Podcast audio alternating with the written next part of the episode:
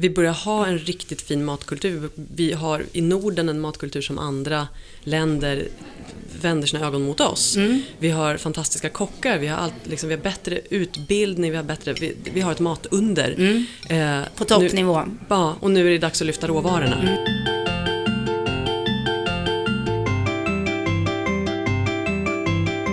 Hej, det här är en liten uppvärmningspodd för krogguiden.se. Kul att du har hittat hit. Vi kommer inom kort intervjua spännande kockar och restaurangägare i Stockholm. Har du önskemål på vem vi ska intervjua så mejla oss gärna på tips krogguiden.se. I den här podden får du träffa två glada, mycket matkunniga tjejer.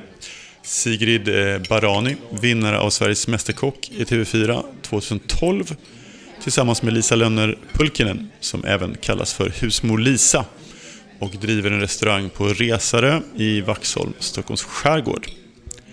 Vi har också en sponsor, statist.se, för dig som vill synas i TV.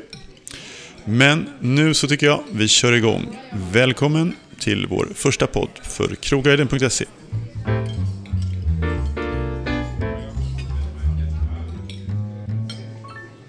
Food trucks är i och för sig en bra trend då kanske.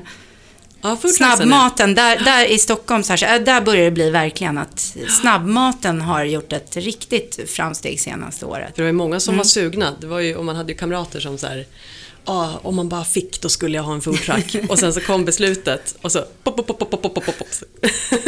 Jaha, där kände man 12 personer som har varsin foodtruck.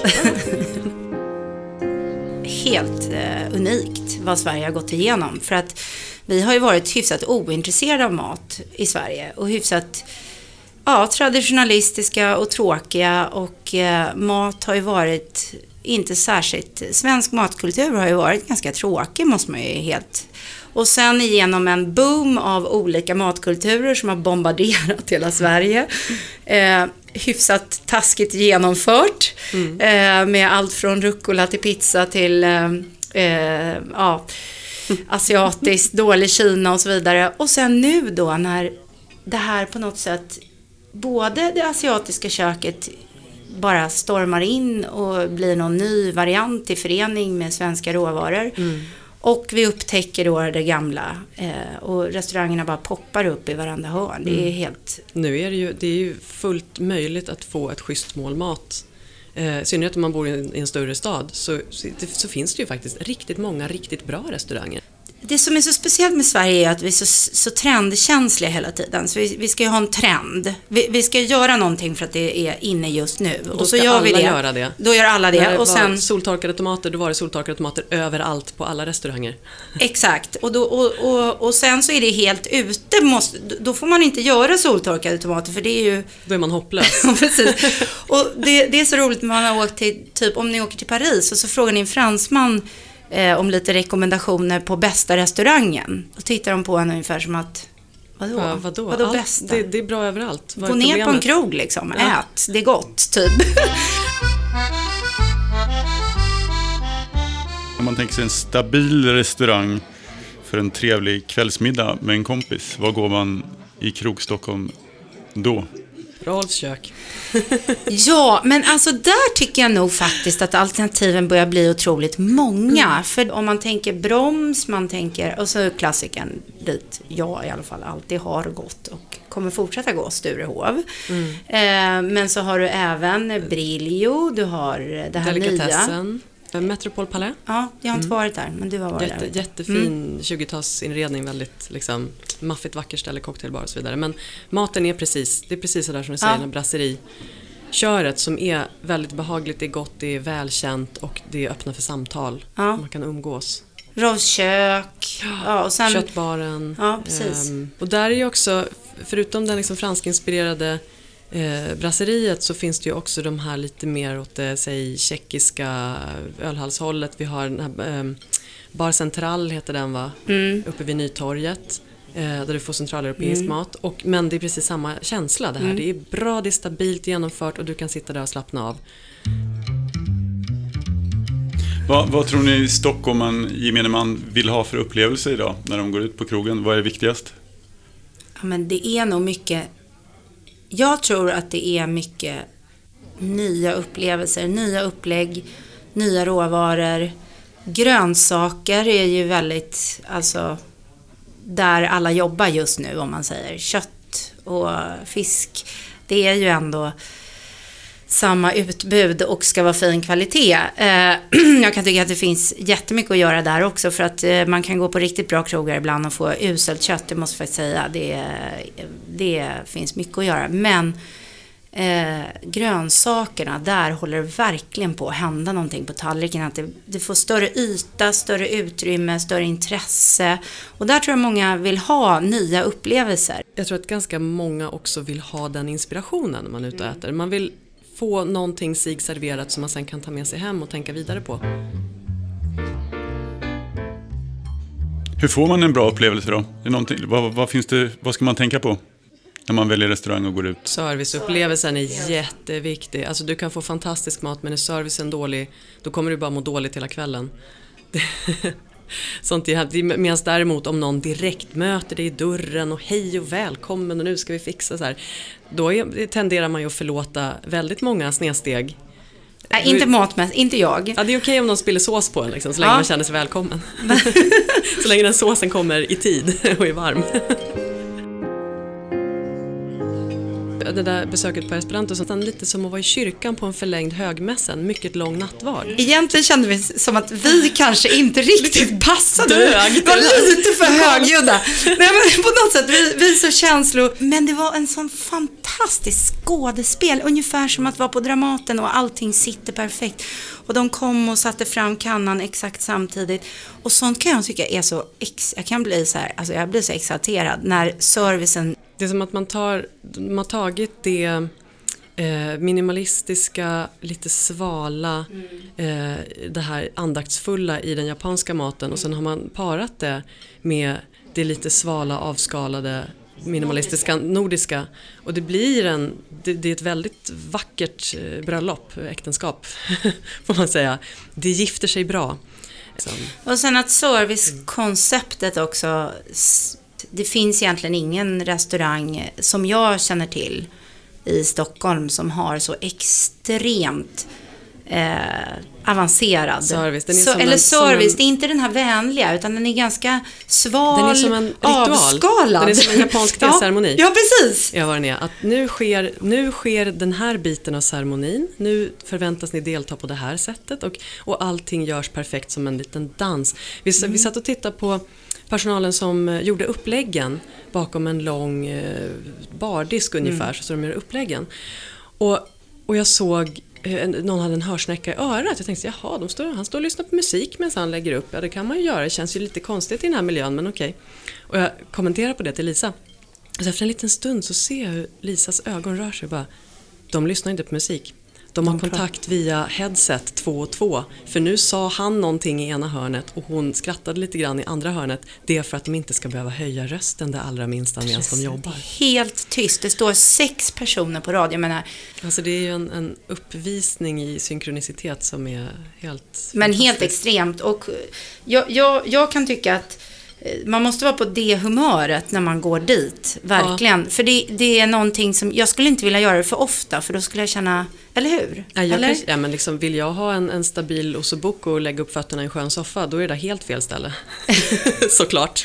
Återigen, man måste liksom Eller om man behöver man föra efter. viktiga samtal, för att vi hade ju inte, man, man vill ju bara prata om maten och vinet. Ja, det finns precis. ju inget annat att prata om. Exakt, man, måste man ha ett, ett viktigt business-samtal, gå någon annanstans. Ja. Att,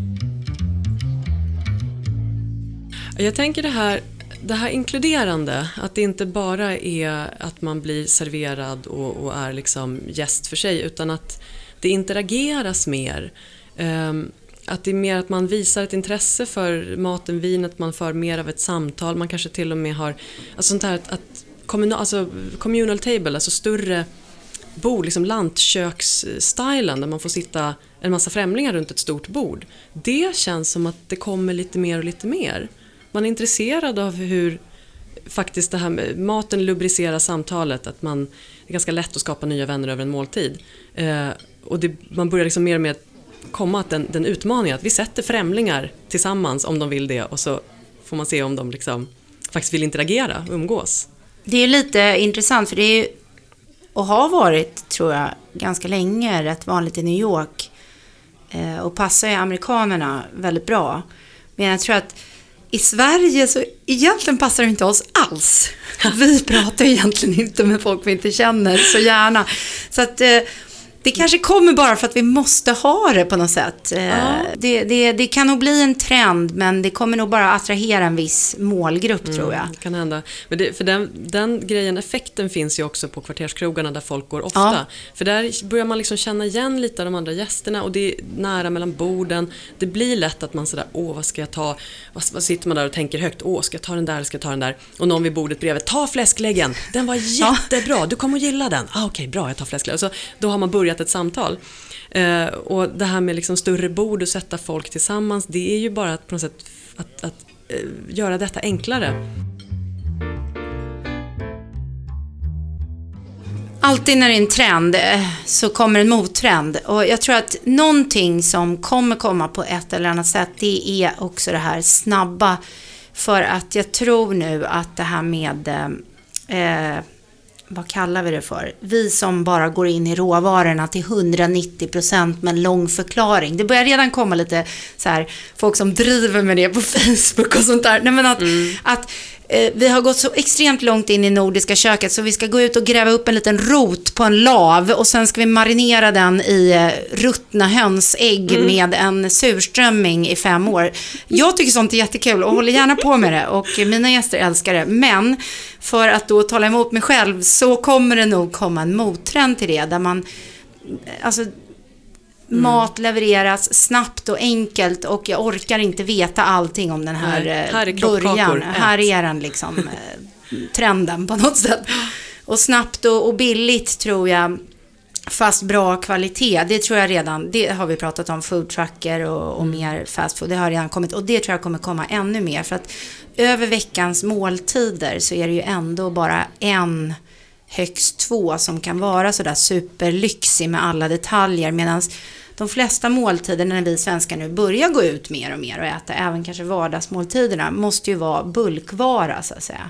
Då ska bulkvaran vara av bättre kvalitet än vad den har varit tidigare. Den ska gärna vara svenska råvaror och sånt och bra kvalitet. Men kanske inte, alltså lite mer eh, enklare koncept tror jag.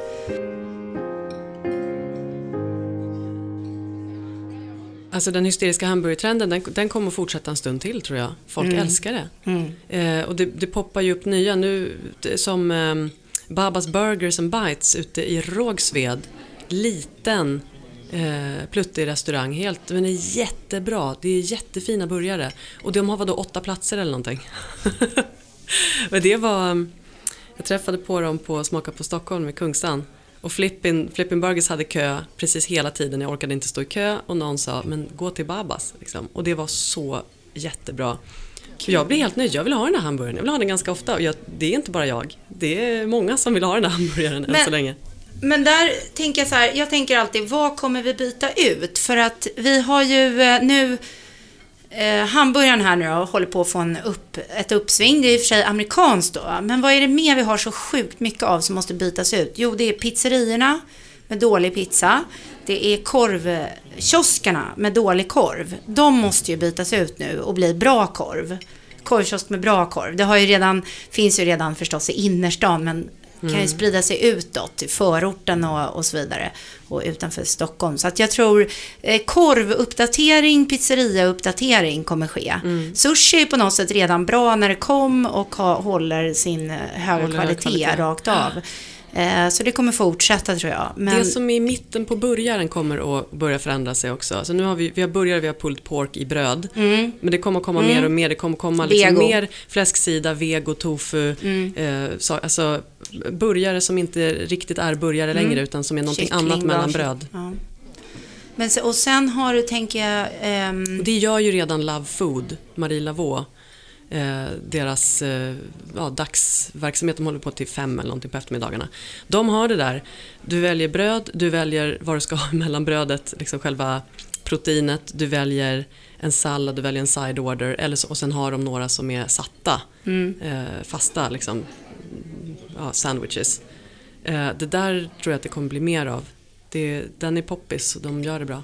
Och sen tänker jag också, Jag, jag, tror just nu också med den här boomen, om man tänker trend och mottrend, att det är som boom för svensk och nordisk mat, att vi kommer ha ett jättestort intresse för våra nya eh, medborgare med matkulturer som flyttar in i Sverige mm. och ser jättemycket mat från Afrika. Och, alltså det börjar redan nu, men, men jag tror mm. att... Sydamerika tror jag kommer ja. att bli, det, det, tror jag är på uppgång. Ja.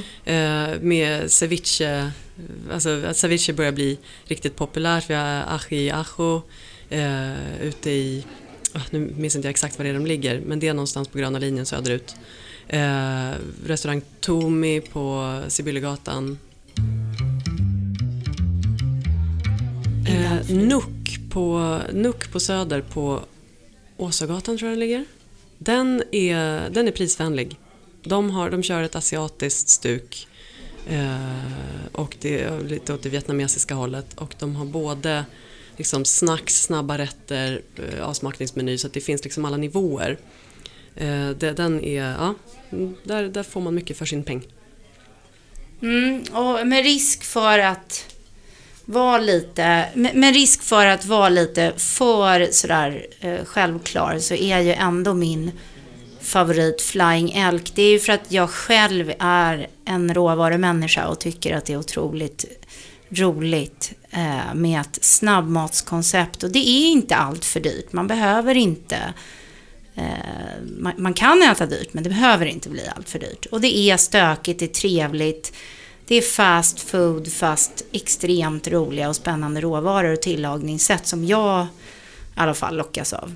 Och så ligger det ju centralt. Jag tycker Gamla stan är väldigt bra. Oavsett vad man gör i Stockholm så är det väldigt bra att åka till Gamla stan.